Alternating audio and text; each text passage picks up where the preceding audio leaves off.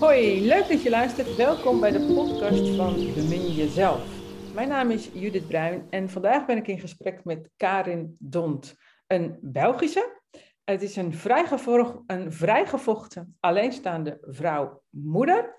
Uh, ze is schrijfster. Ze heeft één boek uh, al uit, dat is Body Slam. En haar tweede boek uh, wordt dit jaar ook uitgegeven, als ik het goed begrepen heb.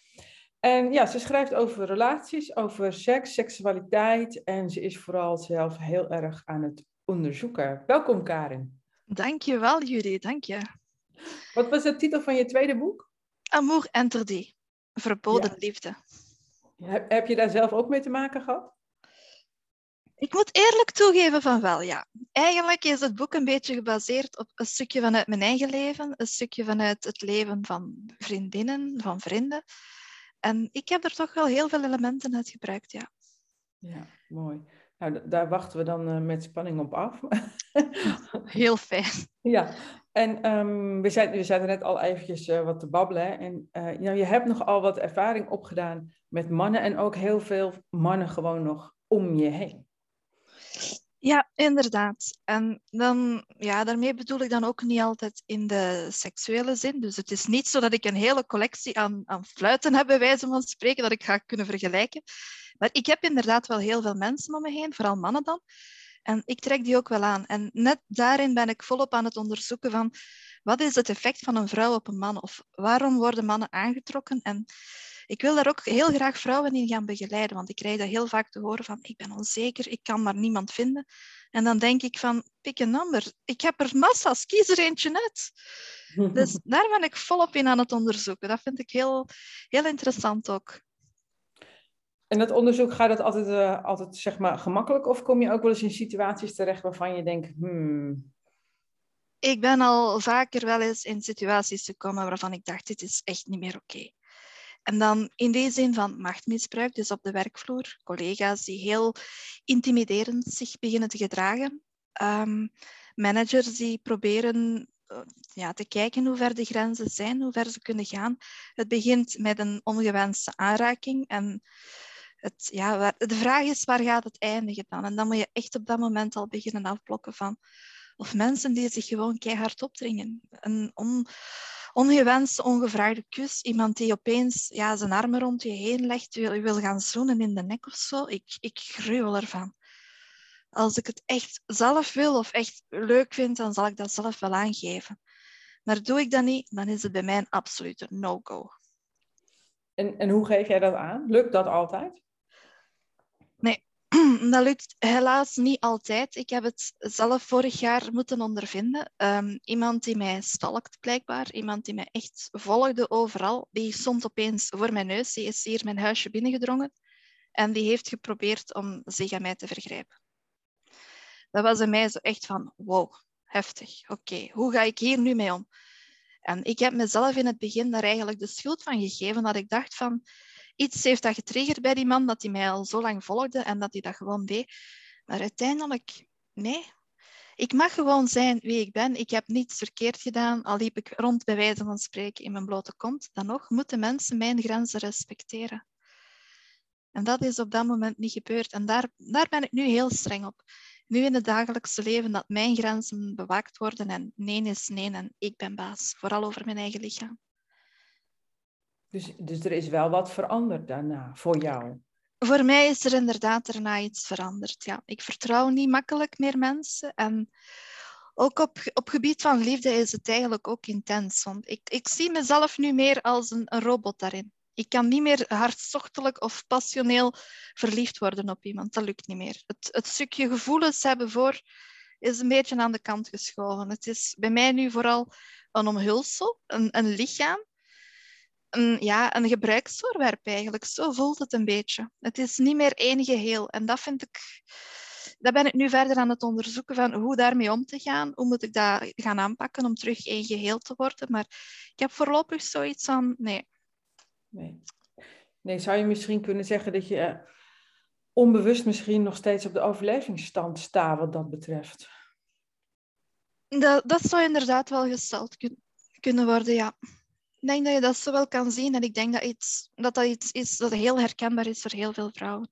Ja. Vrouwen die uit een gewelddadige relatie komen, uit een moeilijke relatie, of die inderdaad iets hebben meegemaakt, al dan niet tegen hun zin, dat die op die manier er tegenaan staan. En ergens verlang je er wel naar en je weet wel wat je wilt.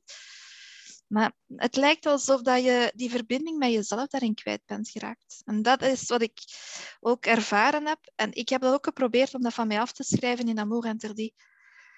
Ik heb mijn hoofdpersonage min of meer hetzelfde laten meemaken. En haar manier om ermee om te gaan is eigenlijk ook wel pittig. Dus ze gaat echt, uh, ja, ik ben nog redelijk liefdevol en vredevol, maar ik laat mijn hoofdpersonage echt al haar woede, al haar onmacht er gewoon uitgooien. En zij wordt echt, wam, zij wordt gewoon een vrouwelijke krijgster, een Amazone. En ik denk dat dat ergens ook een stukje verwerking is van mijn kant uit van recht, terug rechtop staan, terug rechtop gaan en voilà. Ik heb er ook een tattoo over laten zetten. Het is een internationale tattoo, het symbool van vrouwen die, die geroerd zijn, die geraakt zijn, maar niet volledig gebroken. En iedere keer als ik naar die tattoo kijk, dan weet ik van, hé, ik ben er nog steeds. Hè. Ik ben sterker dan dat. En daar ben ik wel trots op. En daarin probeer ik ook een beetje een pionier te zijn. Ik heb, mijn, mijn boek wordt dan ook opgedragen aan vrouwenorganisaties. Ik heb besloten om alle royalties ervan af te staan. Um, ja, daar probeer ik echt wel een pionier in te zijn. Van kijk, maak dat bespreekbaar. Durf erover te praten. Je staat gewoon niet alleen.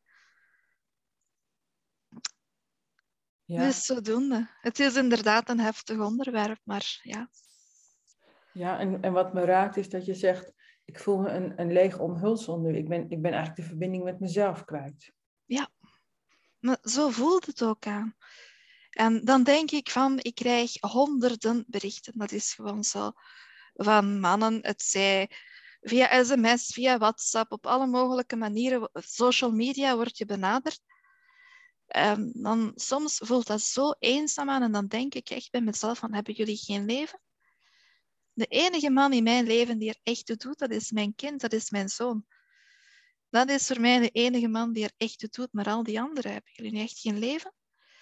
Het is altijd weer dat, dat jagen en ja, je hebt het gewoon zo hard door. Hè? Je, voelt gewoon van wat ze willen en je gaat er gewoon al lang niet meer in mee. Het is zo van, ja, echt. Maar zo ben ik geworden natuurlijk. Hè? Ik weet niet hoe dat, dat is veranderen.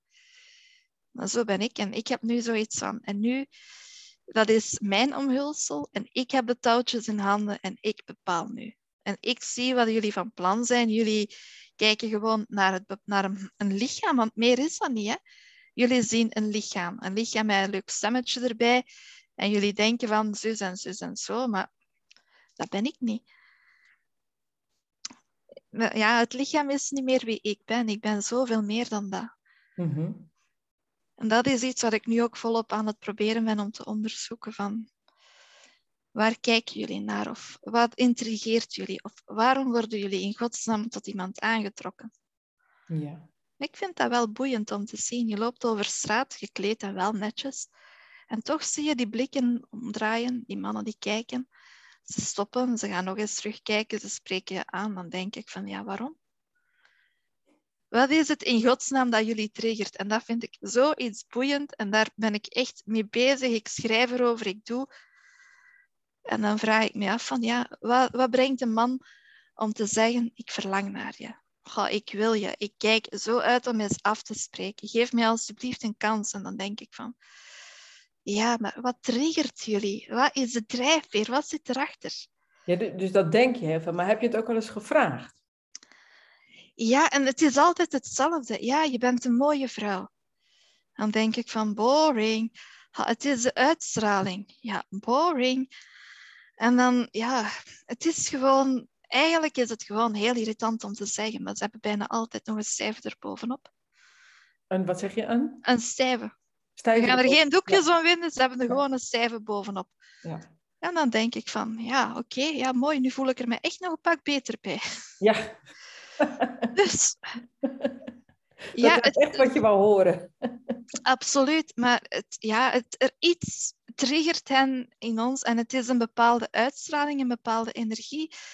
Um, dat kunnen ze ook niet echt verklaren. En dan denk ik van ja, Je bent anders. Je bent zo anders dan, dan de meeste mensen die we kennen of dan de meeste vrouwen. Je, je hebt een bepaalde uitstraling en dan denk ik van, ja, maar ik ben eigenlijk oersaai. Ik ben in het dagelijkse leven gewoon bediende. Ik ben mama. Ik hou ervan om op de bank te zitten met een kop koffie, met sloffen, zelfs in de onesie. Um, ik ben eigenlijk heel erg saai.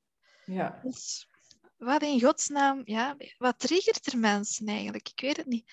Maar we kunnen onszelf omgekeerd de vraag ook stellen. Waarom worden wij aangetrokken tot een man? Waarom worden wij aangetrokken tot een man waarvan we weten, die is zo fout, die gaat zo ons hart breken, maar die staat voor onze neus, we hebben de kans. En we gaan gewoon mee in het moment. We laten ons overspoelen op dat moment door die aantrekkingkracht, door die ongetrimde stoppelbaard, die sensuele lippen en baf. We vallen als een blok en achteraf hebben we spijt. Mm Zo gaat het steeds. Hè? Mm Ja, vaak, vaak wel. Dus, eh, je trekt, ja, dus als je een soort van uh, in jouzelf, wat jij ook zegt, hè, als de verbinding in jezelf uh, niet op orde is. Dus als je zeg maar beschadigd bent vanuit je oorspronkelijke eh, bron, ja, dat is, een, dat is echt een oorspronkelijke beschadiging. Dan heb je een probleem. En ja, als jij zelf een probleem hebt, of je er nou bewust bent of niet, dan trek je problemen aan, net zolang tot je je eigen probleem opgelost hebt. Dat, zo werkt het nou eenmaal, ja. ja dus dan trek je oude mannen aan.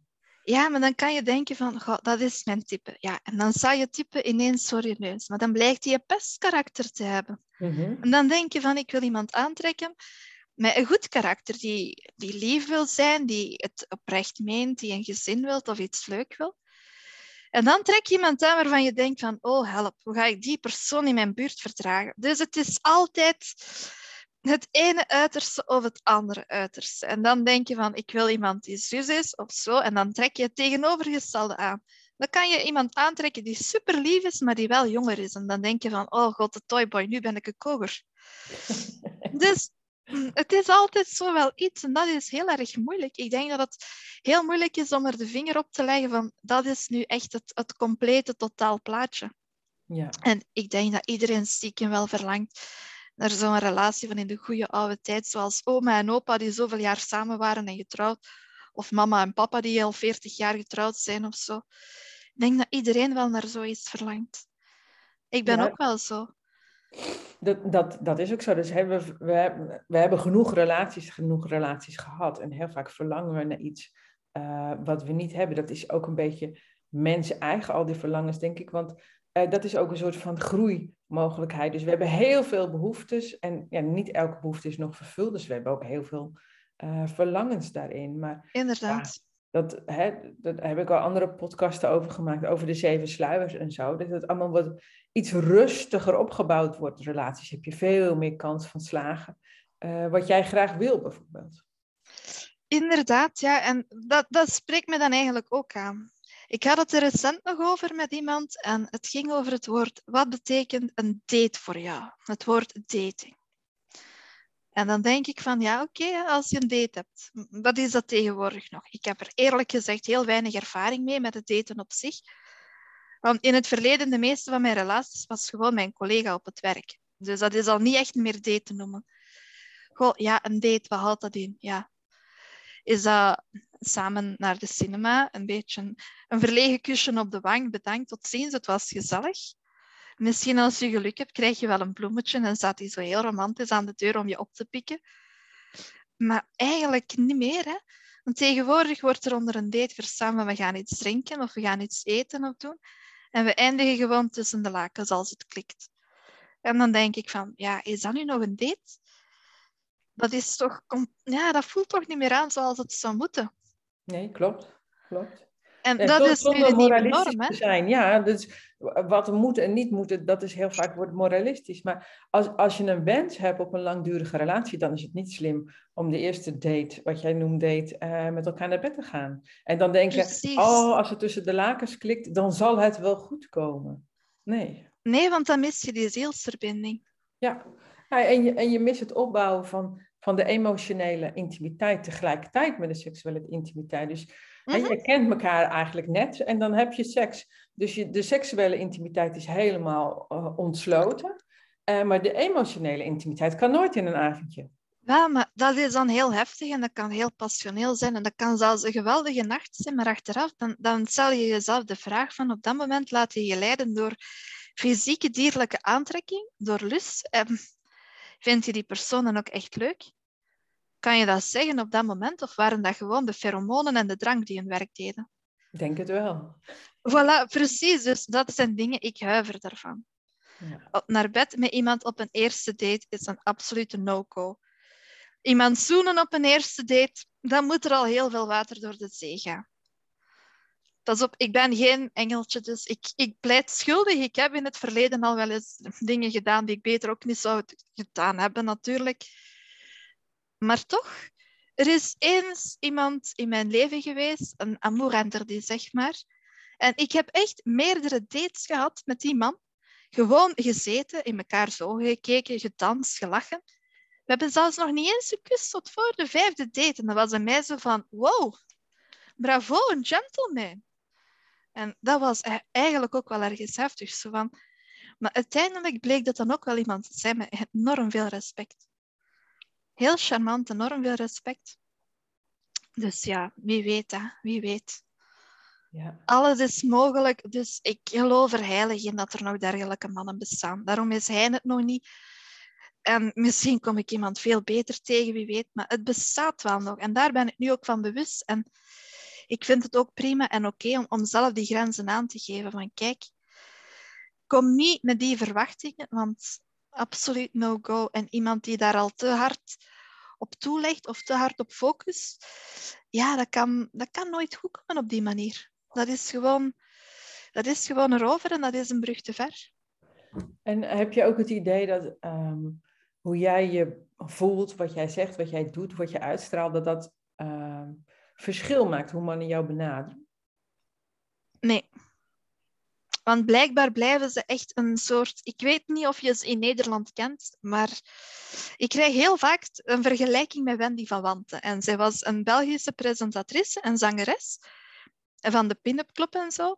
En haar alter ego, haar typetje Wendy van Wanten, is zo echt een, een uitbundige dame en een hele knappe, sensuele vrouw. Maar zij komt over als een stoeipoes. Terwijl dat zij in het echte leven eigenlijk heel verlegen is en onzeker over zichzelf en zo. Um, ik ervaar dat voor mezelf ook. Wie mij echt kent, die weet van ja, ergens is ze heel onzeker over zichzelf en heeft ze complexen en zo. Maar dat is niet wat mensen zien. Mensen zien iemand die heel graag praat, die vrolijk is, die projecten doet, die ja, ik ben heel actief. Ik doe verschillende projecten. Ik heb in media gewerkt en zo. Dus ik, ik heb er geen probleem mee. Ik doe ook aan modellenwerk. Ik doe fotoshoots en zo voor amateurfotografen. Ik heb daar echt geen problemen mee. Maar dan denken mensen van, ja, zij is ook gewoon in het echte leven zo. En dan, ze zien niet wie je echt bent. Of ze zien alleen wat ze willen zien. En ik denk dat ze dat verwarren ergens met een, een aantrekkingskracht of ja, ik ben gewoon wie ik ben. Ik ben geen, geen preutse truus. Maar ik ben daarom ook niet iemand die plat gaat voor alles en iedereen. Nee. Dus ik kan erover praten, ik kan erover lachen. Ik kan met de dames er gekke dingen over doen. Van ik ga een, een memory spel maken met alle dickpics die ik al gekregen heb.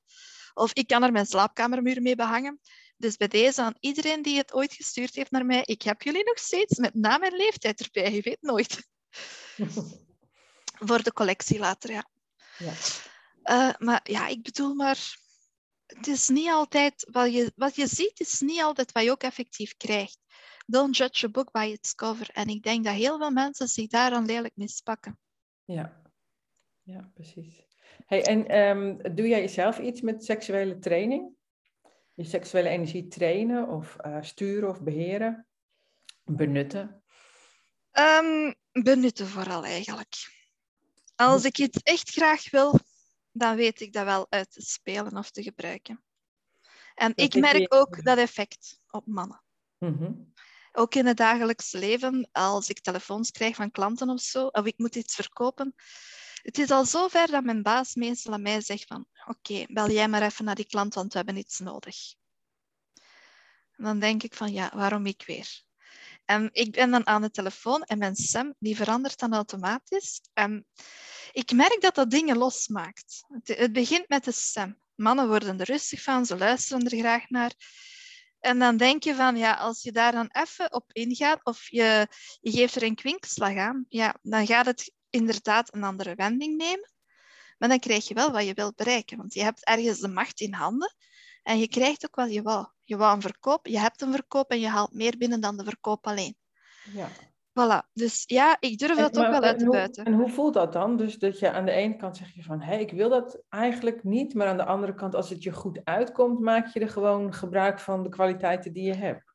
Inderdaad, en dan denk ik bij mezelf van, ik heb die nu eenmaal, als ik er zelf beter van word, waarom niet? Een ander zou het ook doen. Een man gaat ook even proberen van een vrouw te strikken, zijn zak leeg te schudden en daarna is het klaar en tot nooit meer. Mhm. Waarom zouden wij vrouwen onze talenten, als ik het zo mag noemen, die we gekregen hebben, zoals overtuigingskracht of een leuk stemmetje of zo, waarom zouden wij dat dan ook niet gaan gebruiken? Dat is uiteindelijk een, een vorm van macht. Jij hebt op dat moment die macht en jij beslist wat je ermee doet. Ik ga, mhm. niet, ik ga niet zomaar met iemand naar bed, ver van. Maar als iemand aan de telefoon even zegt, oh, dank je wel voor het compliment. Als hij daardoor van mij een verkoop gaat aanvaarden, ja, waarom niet?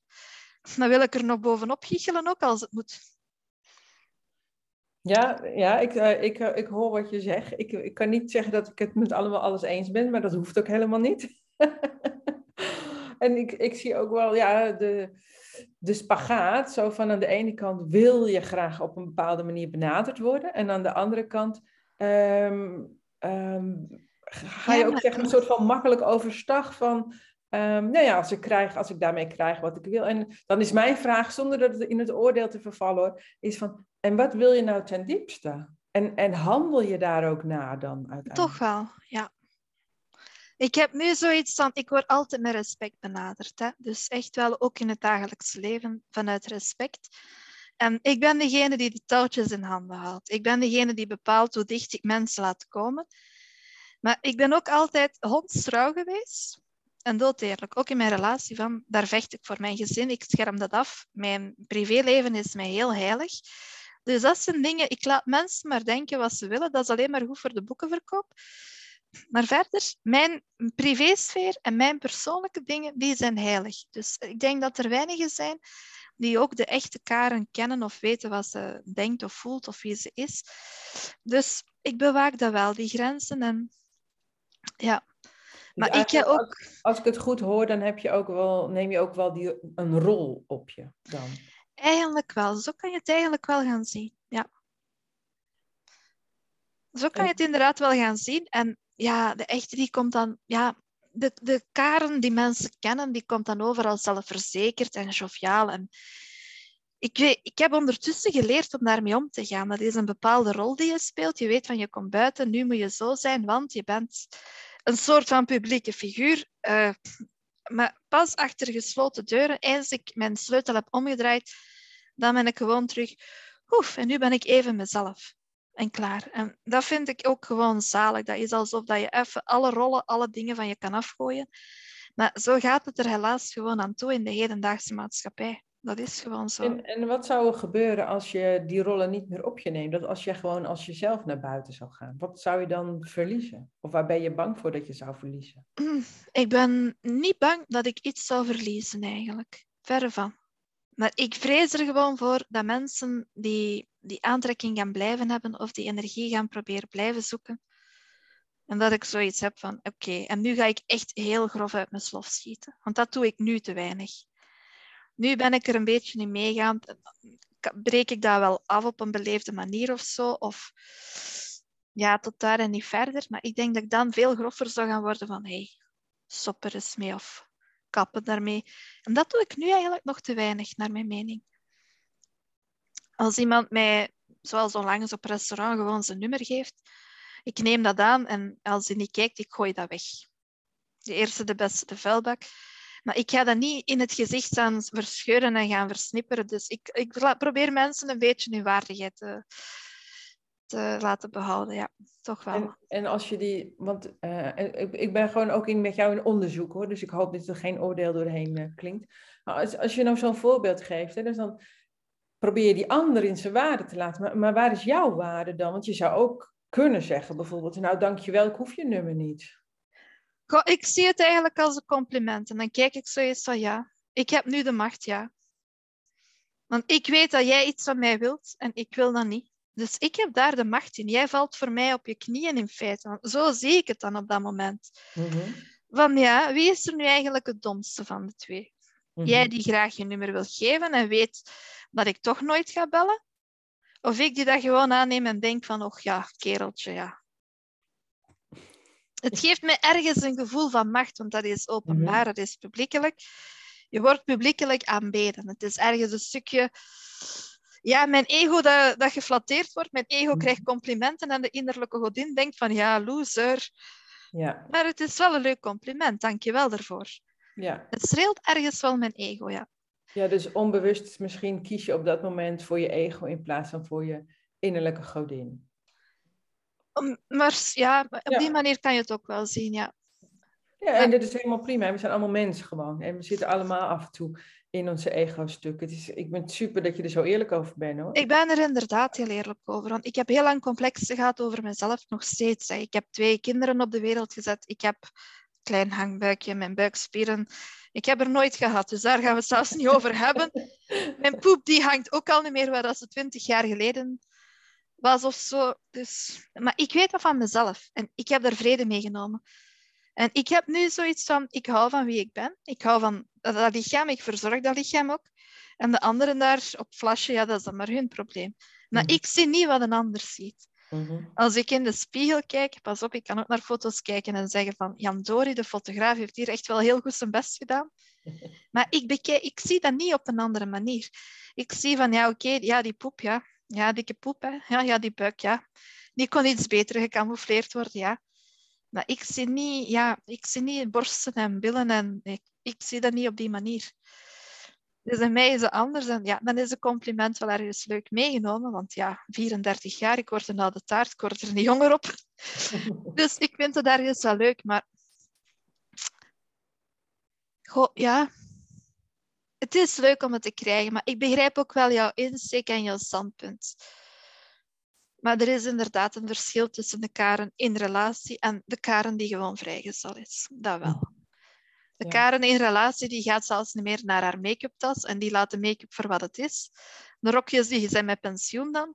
En de Karen die vrijgezel is, dat is wow, daarin heb ik een leuk figuur. Wow, nog een rokje erbij. Wow, laat die pumps maar komen. Oh, ik ga de deur niet uit zonder een beetje make-up. Dus het is eigenlijk ja, een beetje een balans zoeken tussen de twee uitersten, denk ik. Ja, dus en, en, en ben je daar ook zeg maar een soort van bewust mee bezig? Of hou je juist bewust die twee rollen in stand? Ik denk dat ik bewust die twee rollen in stand hou, omdat ze allebei op hun eigen manier een stukje veiligheid geven. Als je iets wil bereiken in het leven, en dat is gewoon in het zakenleven en in de professionele wereld helaas zo, dan moet je soms eens durven uitdagen of ja, een grotere mond op hebben of stouter zijn of gewoon keihard gaan voor wat je wil, recht voor de raap zijn. Want ik wil die job en ik zal die hebben ook. En ja, op die manier en niet, niet te veel op de achtergrond blijven, maar echt wel zien en gezien worden. Een netwerk proberen uitbouwen, daar gretig gebruik van maken. En als je dat niet zou doen, stel dat ik gewoon mijn eigen saaie ik zou zijn, ik denk zelfs niet dat ik mijn huidige job zou gekregen hebben. Ik hou ervan. En ja, ik vind dat ook wel pittig en wel leuk. Dus ik weet mezelf daarin wel min of meer te verkopen. Mhm. Dus Dat is dan wel- Dat heb Dat je is dan wel over mijn- eigenlijk. niet, niet in de letterlijke zin, maar ik bedoel de presentatie die ik van mezelf ga neerzetten, hoe ik Mhm. praat, wat ik breng.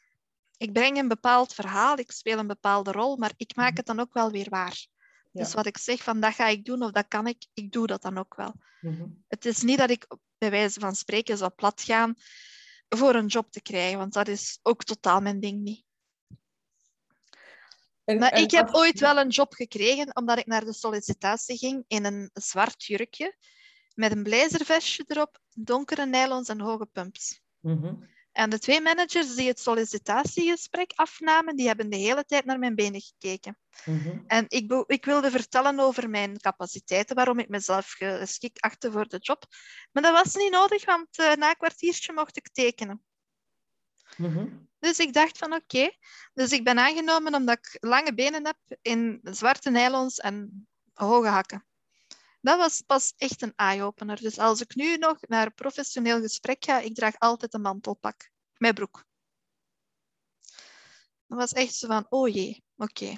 Dat is pas een eye-opener.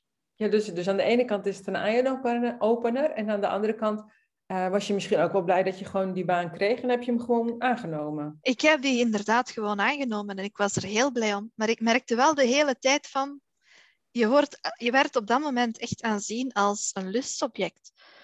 En toegegeven, ja, ik was wel een pak jonger, ook een stukje slanker nog, je zag er goed uit. En natuurlijk maakte daar misbruik van om te krijgen wat je wilt. Als je dan eens lief lacht van ik heb verlof nodig. Krijg ik verlof? Ja, natuurlijk krijg je verlof, want je vraagt erom. De, de vieze opmerking erna, ja, die moet je er maar even bij nemen. Gaan we samen op verlof? Goh, ik ga eens kijken in mijn drukke agenda. Dus ja. Ja, dus, dat, eh, ja, dat krijg je wel nog. Nou ja, je, je bent je er in ieder geval dus heel bewust van wat je doet.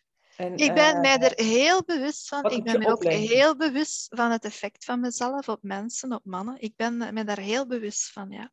En, en, je, en je bent het je ook bewust, of misschien wel steeds bewuster, wat het je kost.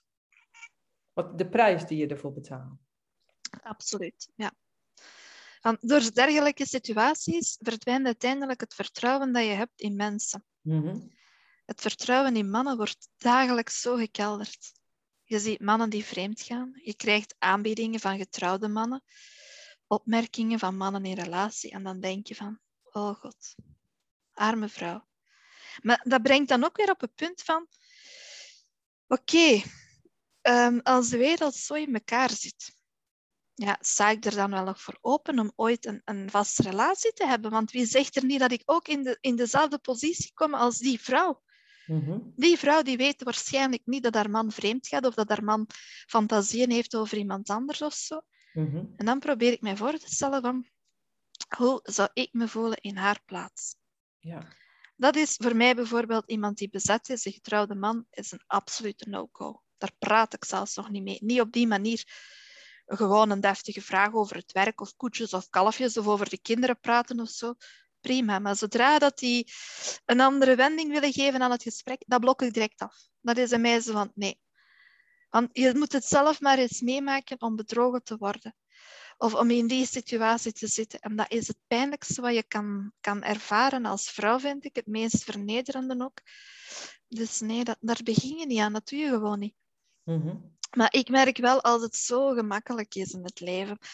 En als mannen zo beïnvloedbaar zijn. Als een kind dat je snoepje geeft. Dan denk ik zo van, goh, laat het maar zijn. Echt, wie heeft ze nog nodig? Ja, dus je, als ik je goed hoor, verlies je dagelijks een stukje vertrouwen in de mannen. Mm-hmm. Het is ook, denk ik, hè, je lokt het ook een beetje zelf uit steeds. Van kijken, onderzoek, kijken hoe makkelijk het gaat. Kan ik het nog? Levert het me nog iets op? Denk ik, als ik je goed hoor. En, en hoe zit het met het vertrouwen in, in jezelf eigenlijk? Dus je hebt zelfvertrouwen, maar uh, je zegt van, hé, ik verlies het vertrouwen in de mannen. Hoe zit het met het vertrouwen in jezelf of in de vrouwen? Dat is eigenlijk een hele moeilijke vraag. Daar heb ik, het ook nog, daar heb ik ook nog niet echt over nagedacht. Dat dat ook heel diepgaand is en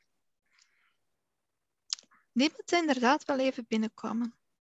Zelfvertrouwen, ja en nee. Um, in de zin van als ik als je mij zou zeggen van je moet dat of dat bekomen van die man, geen enkel probleem. Had mijn vinger knippen. Als je zou zeggen van um, als het nu gaat over een relatie of zo met iemand. En ik ga bijvoorbeeld, ik zou op date gaan met iemand die ik echt heel erg leuk vind, maar oprecht leuk. En ik vind die persoon echt wel zo van, wauw, daar zou ik kunnen verliefd op worden of zo. Dan ga ik pas echt heel onzeker zijn van, oei, ik heb een appje gestuurd, ik krijg geen antwoord. Oei, goh, ja, wat nu? Zou die me echt leuk vinden? En ja, dan merk ik al van, die onzekerheid die slaagt toe. En ik sla helemaal, ik klap helemaal dicht aan. Dat is zo van, oei, ja, ja, nee, dat zal waarschijnlijk te hoog gegrepen zijn. Of... Dus dan is er dat weer, als het op mezelf aankomt, echt op mijn persoonlijke ik, dat is heel, heel heftig. Hebben we het dan ook bijvoorbeeld over jouw eigen gevoelens en behoeftes die daaronder zitten, die wel of niet vervuld worden? Vind je Ja. dat moeilijk om het daar over te hebben, bijvoorbeeld? ik denk dat ik net als zoveel verlang naar een warm nest, een warm gezin, liefdevol, het veilige gevoel, het tedere gevoel. En ja, als je dat dan inderdaad mist, en dan zie je hoe gemakkelijk er over seksualiteit gesproken wordt of hoe gemakkelijk dat er over gedaan wordt. Dan denk ik zo bij mezelf soms van, ja, maar uiteindelijk, seks is toch iets dat heilig is tussen twee mensen die elkaar graag zien. Dat is toch niet iets vluchtig van even als beesten tekeer gaan. En dat maakt het dan wel moeilijk en dat maakt mij inderdaad wel onzeker. Mm Dat ik dan denk van, ja, mijn, wat wil ik eigenlijk echt? Ik weet wel wat ik echt wil, maar blijkbaar is dat heel erg moeilijk te vinden. En dan ga ik mezelf de vraag gaan stellen van, ben ik daar dan ook wel echt klaar voor? Want alles komt altijd op het juiste moment. Oké, dat is eentje om laten binnen te komen. Ben ik er klaar voor? Wil ik dat wel echt? Geef ik dat ook duidelijk genoeg aan wat ik echt wil? En waarom dan in godsnaam tevreden zijn met minder? Dus nu, ik blok aanvragen voor afspraakjes en zo. Ik blok dat gewoon af. Bij mij is dat zo van, nee. Not going to happen. ik blok het af. Kan het ook iets te hebben, maken hebben met eigenlijk een soort van, van moed om, om eerst in die pijloze diepte van jezelf te geraken voordat je dat gaat delen met een ander? Waarschijnlijk wel. Dat denk ik wel, ja. En ook, je moet jezelf volledig door en door kennen. Van jezelf oprecht kunnen houden voordat je iemand anders kan toelaten ook. Mhm. En dat is bij mij nog een stukje dat momenteel nog ja, tijd nodig heeft en nog een beetje extra healing nodig heeft. Mm Dat stukje van, ik mag er ook zijn en ik ben ook belangrijk en ik wil mij niet meer laten naar beneden halen door een, een destructieve relatie of door een narcistische relatie. Mm Ben daar, done En ik heb mij veel te vaak al die jaren al weggecijferd voor iemand anders. En daarin te veel meegegaan. Ik heb mezelf nooit afgevraagd van, en wat wil ik nu eigenlijk? Want het was altijd iemand anders die besliste van, en nu gaan we dit, en nu gaan we dat. Maar er was nooit iemand die vroeg van, en wat wil jij nu eigenlijk? Of wat vind jij belangrijk? En dat zijn dingen die ik nu wel durf te stellen van, wat wil ik en wat vind ik belangrijk? En ja, misschien moet ik dat ook gewoon maar eens gaan doen. Mhm. Ja, want, want zo heb ik het zelf ook ervaren in mijn leven. Dus uh, op een gegeven moment kwam ik erachter dat ik dacht, oh ja, uh, ik ben niet alleen mijn moeder. Ik, uh, ik, ja, uiteraard, als je kleine kinderen hebt, die behoeftes van die kinderen gaan altijd voor. Maar dat hoeft nu niet meer. Ze zijn geen baby meer. Dus ik heb ook behoeftes. En uh, en dan de volgende stap voor mij was om die kenbaar te gaan maken. Ik vond dat echt heel erg moeilijk. Dat had ik, zo was ik niet opgevoed, dat had ik nooit geleerd. En, maar dat bleek helemaal nog niet genoeg te zijn. Want dan denk je, nou, daar heb ik het gezegd, dan wordt daar wel op gereageerd. Echt niet. Dat moet je dus nog meerdere keren zeggen en dan moet je ook echt voor gaan staan. En ik, ik vind het mhm. een hele weg, heb ik dat gevonden. En, en dat gaat me steeds beter af. Uh, maar het is, het is een weg, vind ik. Maar je moet ook soms gewoon keihard voor jezelf durven kiezen. En dat heb ik ook gedaan en ik schrok eigenlijk van mezelf van. Wow, ik heb nu eens voor mezelf gekozen. En ik heb bewust gekozen na mijn laatste relatie van. En nu ga ik gewoon alleen verder. Klaar. En ik kreeg het langs alle kanten te horen. Jij bent gestoord. Je gaat van de ene kant van België naar de andere kant verhuizen. Helemaal alleen. Je kent er niemand. Ik zeg prima, toch? een nieuwe lei. Even mezelf. Ik wil mezelf terug herontdekken. Ik wil mezelf terug gaan kunnen zien als vrouw naast moeder te zijn. Want ja, ik ben in de eerste plaats natuurlijk een moeder. Maar ik ben ook een vrouw. Ik heb het recht om sensueel te zijn. Ik heb het recht om seksualiteit te ervaren. Want ik ben uiteindelijk ook een vrouw. Ik ben ook maar een mens. Ik heb ook mijn gezonde behoeften. Dus dat was voor mij ook zoiets van en het liefste van al wil ik dat allemaal combineren. Dus in éénzelfde gezin, in, in één warm nest. Dat je in alle kamers van het huis, bij wijze van spreken, moeder bent. Maar dat je ook op een, op een bepaalde plek of op momenten gewoon ook vrouw kan zijn. Even moeder zijn loslaten, kinderen slapen. En dan ook gewoon vrouw kan zijn. Zou, zou je het niet ook andersom willen?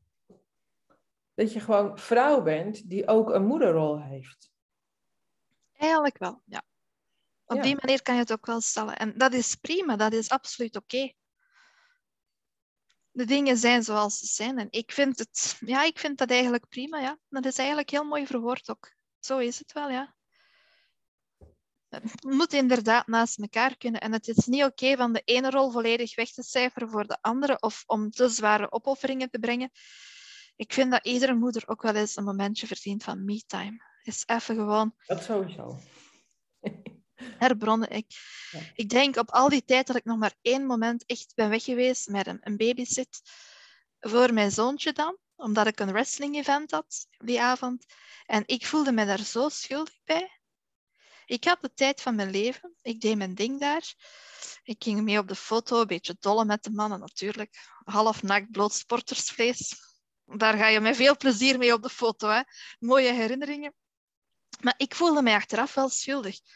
Want ik was de hele tijd aan het kijken van de babysit heeft toch nog niet gebeld of alles zal toch wel oké zijn. En dan denk je van ja oké, maar zo kan je nooit even loskomen of even terug vrouw zijn of dat ervaren. Dus dat is inderdaad een hele moeilijke om daar een gezonde balans in te vinden. Ja, ik denk dat je dan weer terugkomt bij hè, eh, wie zijn behoeftes geef je voorrang. Dus ja, eigenlijk, hè, de, je kind heeft behoeftes, maar die had je een soort van gedekt met de babysitter. Hè? Dus als het goed is, werden bijna alle behoeftes voldoen. Want ja, of voldaan. De babysitter is natuurlijk geen moeder, maar toch. En dan is het dus nog steeds heel moeilijk om je eigen. Dan ben je bezig met je eigen behoeftes te vervullen. En dan is het nog moeilijk om daarvan te genieten. Zo diep. Inderdaad, ja. Maar ook omdat je op dat moment dat stukje bevestiging en dat stukje veiligheid mist. Dat gevoel heb ik dan. Als je dan alleen maar vrouw bent en dan is er zo niemand vast om, om dat te gaan delen of om dat veilige gevoel te gaan ondersteunen. Dat is eng. En dat is ook zo van, hmm, dat mis ik op dat moment, op zulke momenten mis ik dan eigenlijk wel inderdaad een vaste partner. Om zo even dat veilige gevoel te ervaren of te doen. Ja. ja. Die veiligheid ervaar je gewoon nog niet helemaal in jezelf. Nee, soms mis ik dat wel. Iemand die zijn armen om je heen legt en die toefluistert van, ah schat, toch, het komt wel goed. Dat mis ik wel. Ja. Nu, zeker. Uh, ik heb recent vernomen dat ik terug ziek ben, dus uh, mijn schildklier gaat eruit. Dat wordt een lange lijdensweg, een hele nabehandeling en een flink proces. En het eerste wat ik zei tegen mezelf was van, oh god, ik wil dat niet alleen doormaken. Ik kan dat ook niet. Mm -hmm. En dan even een, een, flinke emotionele uitbarsting te hebben en dan tien minuten later te zeggen van ja, maar wie maak ik hier eigenlijk iets wijs? Het is mijn lichaam, ik kan dat. Ik ben een vechter, ik heb daarvoor niemand nodig. Het is uiteraard fijn om iemand te hebben die eens luistert op die emotionele momenten. Maar het belangrijkste is dat je jezelf ook gewoon terug kan heroprapen en kan zeggen van ik heb uiteindelijk alleen maar mezelf. Ik heb mezelf nodig en ik kan dat. Ik vind de kracht terug in mezelf. En ik kom er vooruit. Ik kan dat gewoon perfect aan. Ja, nee, dat vind, het, het knap en bewonderenswaardig. En, en het, is, het is ook waar natuurlijk. En tegelijkertijd denk ik ook altijd, we zijn ook mensen. Dus ja, maar, en dat is weer een stukje veiligheid dat ik dat weer wil ervaren en dat ik dat mis. Ja. We zijn gewoon mensen en, en we, we hebben, er is, er is ook een, echt een reële behoefte aan verbinding. Dus ja, het is mooi als we alles zelf kunnen. En ja, het is er ook dat je verbinding, verbinding wil voelen. Maar ik denk dat dat ook wel een stukje gecultiveerd is in onze westerse maatschappij en in de opvoeding. Van, wij zijn min of meer grootgebracht met het ding van de man is belangrijker en de man is het hoofd van de familie en gezinshoofd en bla bla bla. En de vrouw heeft min of meer een onderdanige rol. En nu in de hedendaagse maatschappij zie je dat zo veranderen. En is alles tegenwoordig opeens me too? En komen vrouwen op voor hun rechten? En dan denk ik van, goh, ja, was het maar al in onze kindertijd zo? Want wij lieten gewoon alles over ons heen komen van, papa is baas en papa zus en de man dit en de man dat en de man moet gediend worden. Terwijl nu, nee, mama is baas, klaar. Hier is mama baas. Hier zit mama op de troon en mama zegt hier van, oh, oh, oh, oh. en staat het mama niet aan, daar is de deur van het timmergat. Ja, maar ik, ik heb al... is er ook een manier waarop ze samen baas zouden kunnen zijn? Of zie je dat niet gebeuren? Ik heb nu zoiets van, ik wil mij niet meer laten domineren. Ik wil mij ook niet meer laten kleineren. Mm Pas op, ik, ik heb zo iemand gekend ook, hè, vrij recent nog, en die dacht even lekker in mijn leven binnen te wandelen en hier baas te komen spelen. Dat was een meisje van, absoluut een no-go. Ik laat mij niet zeggen hoe ik de dingen moet aanpakken met mijn zoon. Ik laat mij niet zeggen hoe ik dingen zelf moet aanpakken of wat ik moet doen of moet laten. Absoluut niet. Nee, hier ben ik baas. Dat is hier mijn territorium. En geen plek voor testosteron dat even de oestrogenen wil komen bedwingen. Ik laat mij ook niet meer temmen. Op dat punt ben ik al gekomen. Ik ben heel lief, ik ben heel zacht, ik ben moeder kloek. Maar ik ben geen katje om zonder handschoenen aan te pakken ook. Want dat heb ik geleerd, dat hebben we echt wel nodig. Van, dus kom op voor je rechten, vecht ervoor, sta voor wie dat je bent en klaar. Mhm. Dus ik laat me niet, ik laat me niet meer temmen. Nee. Oké. Ik, ik lijk misschien een poesje, maar ik ben eigenlijk toch een tijger. Dus. Ja. Oh, nou. Ik vind het een heel mooi moment om dit gesprek af te ronden. Dank je wel voor je open en eerlijke visie over wat je hebt beleefd, waar je in aan het onderzoeken bent. En ik denk dat we wel kon, kunnen concluderen dat het gewoon een, een, een proces is, wat maar doorgaat. En, en over een aantal jaar zou er een heel ander gesprek uit kunnen rollen. En uh, weet. ben ik heel benieuwd naar. Oké, tof. Graag gedaan en bedankt. Dankjewel. Wil je meer van deze podcasts uh, luisteren, dan kun je altijd naar www.beminjezelf.nl slash podcasts. En ook op YouTube staan allemaal leuke filmpjes over seksualiteit en relaties. Dank voor het luisteren en graag tot de volgende keer.